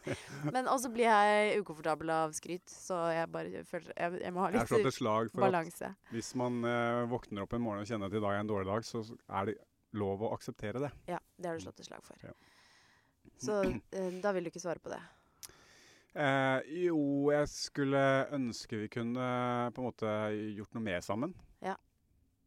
Og det har vi jo planer om. Ja, vi har faktisk det, men du er jo litt Ja. treig, da. Jeg har eh, Men du må vite det at eh, sånne planer, sånne type planer Jeg har drømt om eh, å reise til Bali eh, på surfeferie eh, siden eh, Altså nå Men hvorfor- i snart hvorfor ti Bali? år. Er ikke bedre da til Mexico eller noe sånt? Det kan godt være. Ja. Men jeg Aruba. bare elsker Bali. Jeg har bodd der en periode. Elsker Bali. Jeg har vært på Bali, ja. Jeg har vært der. Ja. Så da må vi finne på nytt. ja. Men jeg må Det er vite så at god eh, mat i Mexico. sånne, sånne typer planer og tanker, det gir meg masse energi. Så det at vi har eh, en plan om veldig mange ting, egentlig, eh, Ja. det kommer til å skje. Det kommer til å skje. Ofte er drømmen best så lenge det er en drøm. Ja, kanskje. Det er sånn Ofte er det det. ikke møt heltene dine. Ja. Ja. Er det litt sånn? ja. Jeg var skuffa når jeg møtte min helt, husker jeg. Min eneste helt når jeg var ung skiløper, Hvem var det? det var eh, Thomas Vassberg. Ja. Jeg hadde bilder fra han eh, Jeg hadde Samantha Fox og Sabrina og sånn, og så hadde jeg en, eh, og så hadde jeg en, en idrettshelt. Ja. så hadde jeg egentlig ikke sånne store forbilder, men eh, Thomas Vassberg fordi på det bildet så var det det var som en eh, svær, diger, s- råsterk bjørn da, med skjegg og sånn voldsom eh, kraft, ikke sant? Ja. Og så møtte jeg ham første gangen eh, når jeg begynte å jobbe i Sverige. Eh, og så kom han bort til meg, og så rakk han meg til omtrent midt på brystet. Da. Sånn sped, liten Og så var det rett og slett det fysiske Ja. som var utrolig skuffende. Ja. Ja. Han var ikke noen stor, sterk bjørn. Nei. Han var en sped, liten Det rakk det akkurat til nipperen. som kunne holdt i favna, liksom. Ja. Da er det gøy. ja. OK, min tur. Da Si Mm. hva jeg setter mest pris på ved deg. Ehm, mest pris på Jeg setter veldig pris på at eh, jeg føler at jeg kan spørre deg om alt. eh, Og at du svarer sånn at du tar meg på alvor. Ehm, og at du er Jeg liker veldig godt det jeg opplever som en veldig sånn ekte nysgjerrighet på ting. Ja. eh, og mennesker. Noen mennesker, da, vel å merke. du er litt selektiv. Men det Jo, liker jeg ja. òg. ja. Ehm, og så liker jeg eh, evnen du har til å sette ting i perspektiv. Jeg syns du er veldig flink til å eh, dra eh, sam, altså, dra linjer fra én ting til noe annet som ikke nødvendigvis har noe med hverandre å gjøre, men for meg så gir det mening når du gjør det. OK, så bra. Ja, Jeg føler jeg bare roter til ting, jeg. ja du gjør det også. Ja, det- og så liker jeg at eh, Jeg føler at eh, det er ikke så mange mennesker jeg opplever at jeg kan være meg selv med, fordi eh, eh, Det har blitt fortalt også at jeg blir litt sånn høff for høflig hvis jeg er med folk jeg ikke kjenner så godt. Men jeg Ja. føler at jeg kan stole på deg, og derfor så kan jeg eh, ta deg litt òg, hvis du skjønner. Ja, Tulle merket litt med deg. det. Mm. Ja. Merker det. Og det er et sånt tegn på at eh, jeg stoler på deg, Ja. eh, og at eh, føler at eh, det er trygt, da. Så bra. Og det er et eh, stort kompliment å, va- å, å liksom få folk til å føle seg trygge. Så det liker jeg veldig godt med. Ja, men det gjør det. Det gjør at jeg føler meg tryggere. Mm. Så det er veldig bra. Mm. Ja, men Så hyggelig. Takk. Jo, vær så god. Men du, det her, er jo, det her er jo egentlig også en veldig sånn bra øvelse man kan gjøre med hverandre. Ja. Altså alle kan gjøre det. Og si hva man liker med hverandre. Ja, vi er jo flinke til å på en måte gi hverandre type feedback i hverdagen som kan øh, kanskje gå litt i ofte kanskje på ting som ikke er så bra, da. Mm. At man av og til også kan sette eh, seg ned og så se hverandre i øya og så si vet du hva, dette her er det jeg setter mest pris på med deg. Jørgen Men- og jeg gjør det faktisk. Fordi jeg sier, Ja. hvis jeg sier eh, Men kan man gjøre det, man kan gjøre det med venner òg. det er Eller sant. arbeidskollegaer, eller ting man har mye med å gjøre, og som på en måte er viktig i en eller annen eh, variant. Mm. Ikke sant? Vi, Jørgen og jeg har en sånn greie om at eh, hvis eh, eh, Ikke hver gang, altså, men det har liksom blitt en greie vi har gjort opp igjennom. At eh, hvis jeg sier eh, 'jeg er glad i deg', og så sier jeg 'hvorfor det', ja. og så sier han 'hvor mange grunner vil du ha'? Ja, men det der eh, Ja. Jeg har noen vennepar som er sånn. Ja. De bare avslutter a- hver s- eh, telefonsamtale hver s- Ja, det er ofte telefon, ikke sant? Ja. for da er det, bryter man. Ja. Så er det sånn Glad i deg. Glad i deg. Men det har ikke noe mening. Nei da. Det er bare blitt en sånn refleks. Ja. Og da tenker jeg sånn Da er det bra at du stør. Ja, hvorfor det? Ja. Eller hva mener du med det? Og hvor mange grunner vil du ha? Noen ganger så svarer jeg 15. Ok. Altså, Nei da, men du skjønner. Nei, men det er bra Det er at- en liten sånn ja. hverdagsgreie man kan eh, gjøre, da. Det funker i hvert fall for oss. Ja, altså Neste gang man hører det, så utfordre litt. Ja, Hva hvorfor det? mener du med det? Hva mener du? Mhm. Ja, Uten å liksom måtte at det skal være en eh, fire timers samtale. Men eh, det er litt Hvem kan du si eh, Hvem kan du fortelle at du er glad i? Er det bare Jørgen, eller kan du si det til Jeg er andre? glad i deg. Er det? Ja. Ja, men Så hyggelig. Nei, jeg har blitt mye flinkere på det. F- Eh, elsker er fortsatt et sånt ord som jeg bare har brukt et eh, fåtall eh, og- til et par personer, på en måte. Ja. Em, men eh, glad i, det kan jeg si til eh, mine nærmeste, på en måte. Ja. ja, Men det er ikke så Typ de som vanlig. blir invitert i bryllupet. Akseptert. Nei, de, de som blir invitert i bryllupet. Ja, det er blitt ganske vanlig nå. Er det, ja, Ja, kanskje kanskje, din ungdommen generasjon. er flinkere. Ja. Men kanskje de sier det også bare s- eh, uten egentlig noe mening, men det er bare blitt en del av dagligtalen. Ja, kanskje, men kanskje det også er vi som oppfatter dem. For jeg husker, eller ve veldig sånn, Det var veldig skille mellom min generasjon, hvis man kan kalle det det, og broderens. Broderen er seks år yngre enn meg. Ja. Og der var guttene også veldig sånn flinke til å si 'jeg er glad i deg', gi hverandre en klem. Ja. Eh, ja. De var veldig sånn kjærlige. Jeg føler de har blitt mer kjærlige, de som vokser opp nå. Ja, jeg, Og så er jeg- de på det, jobb. jeg syns det er bra hvis, det, hvis man virkelig mener det, og at man tør å uttrykke det. Fordi min, min generasjon, som jo er enda Ja. to generasjoner over deg, Ja. så tror jeg det er mye vanskeligere. da. Absolutt. Jeg vokste jo opp med at brukbart var et kjempekompliment fra fatter'n. Brukbart. Ja. Nei, brukbart. Det er brukbart. Nei, men Én ting er jo gutter til hverandre er jo veldig sånn Da ble man jo stempla som homofil Mm. i skolegården. Mm. Så det må man va- på all del ikke ta de orda i sin munn til en kompis. Mm. Og så er det andre at hvis jeg skal si til en jente at, eh, at jeg er glad i deg, eller jeg er glad i en jente, så føler jeg sånn Er det disrespektfullt overfor min kone? Ka- Å, jeg kan sånn, si det til en gutt eller en kompis, Ja. men kan jeg si det til en venninne? Skjønner du? Ja. Jeg skjønner. Hva tenker du om det? Hva tenk, kan, du, du sier du er glad i meg. Ja. Du, kan du si det til andre gutter uten å tenke at Jørgen kanskje syns det er rart? Ja. ja. Det Ja. er bra. Men han er lett å leve med. Men eh, det er Vi skal- Vi skal ha en gjest eh, nå- Jeg avbryter deg bare. Ja, bare avbryt, du. Jeg, jeg har lyst til å ha en gjest seinere, en som jeg klatrer mye sammen med, som heter Lars Gilberg. Han skriver veldig mye bra artikler for Vårt Land. Ja. Veldig gode. En av de siste virkelig dyktige journalistene som er interessert i sitt fag. Jeg mener, husker han skrev en sak for en stund siden hvor han snakka med eh, eldre mennesker på dødsleiet, eller som hadde en siste tid igjen. Mm. Og, og litt da om hva man, eh, hva man, hvordan man tenker tilbake, hva man angrer på. Mm. Og da går det ofte igjen det her med at de skulle vært flinkere til å fortelle de rundt seg at de var glad i de. Ja. Og hvis det er noen som hører på dette som kanskje er, eh, kjenner seg igjen, så må, må jeg også si at selv om ikke pappa har sagt til meg på daglig basis at han er glad i meg, så veit jeg Han veldig godt syntes det var at brukbart. han er glad i meg. Han syntes det var brukbart. Jeg syns det var brukbart. Det gikk mest på prestasjon, da. Men eh, det var Ja. Nei, men vet du hva. Jeg syns dette har vært veldig hyggelig, Thomas. Eh, tusen Ja, takk for alle dette må vi gjøre lyttespørsmål. Og det må dere mm, ikke være redde for å sende inn uten at vi ber om det også. Det er veldig hyggelig å få spørsmål i innboksen. Gjester du kanskje har lyst til at vi skal eh, Ja. snakke med. Ja. Det er også alltid varmt Gjester og velkomment. temaer og spørsmål det tar vi imot, og vi kommer til å bruke det hvis det er aktuelt. Absolutt. Så da takker vi for oss og tar oss en wienerpekan. Nei, jeg vil ferdig alt. Jeg vil Alt? mer. Ja, nå har vi sittet her i halvannen time med det Håper ikke. forholdet, Thomas. Du Ja. må ikke slite ut øra på folk heller. Nei, det er sant. Until next thir Thursday.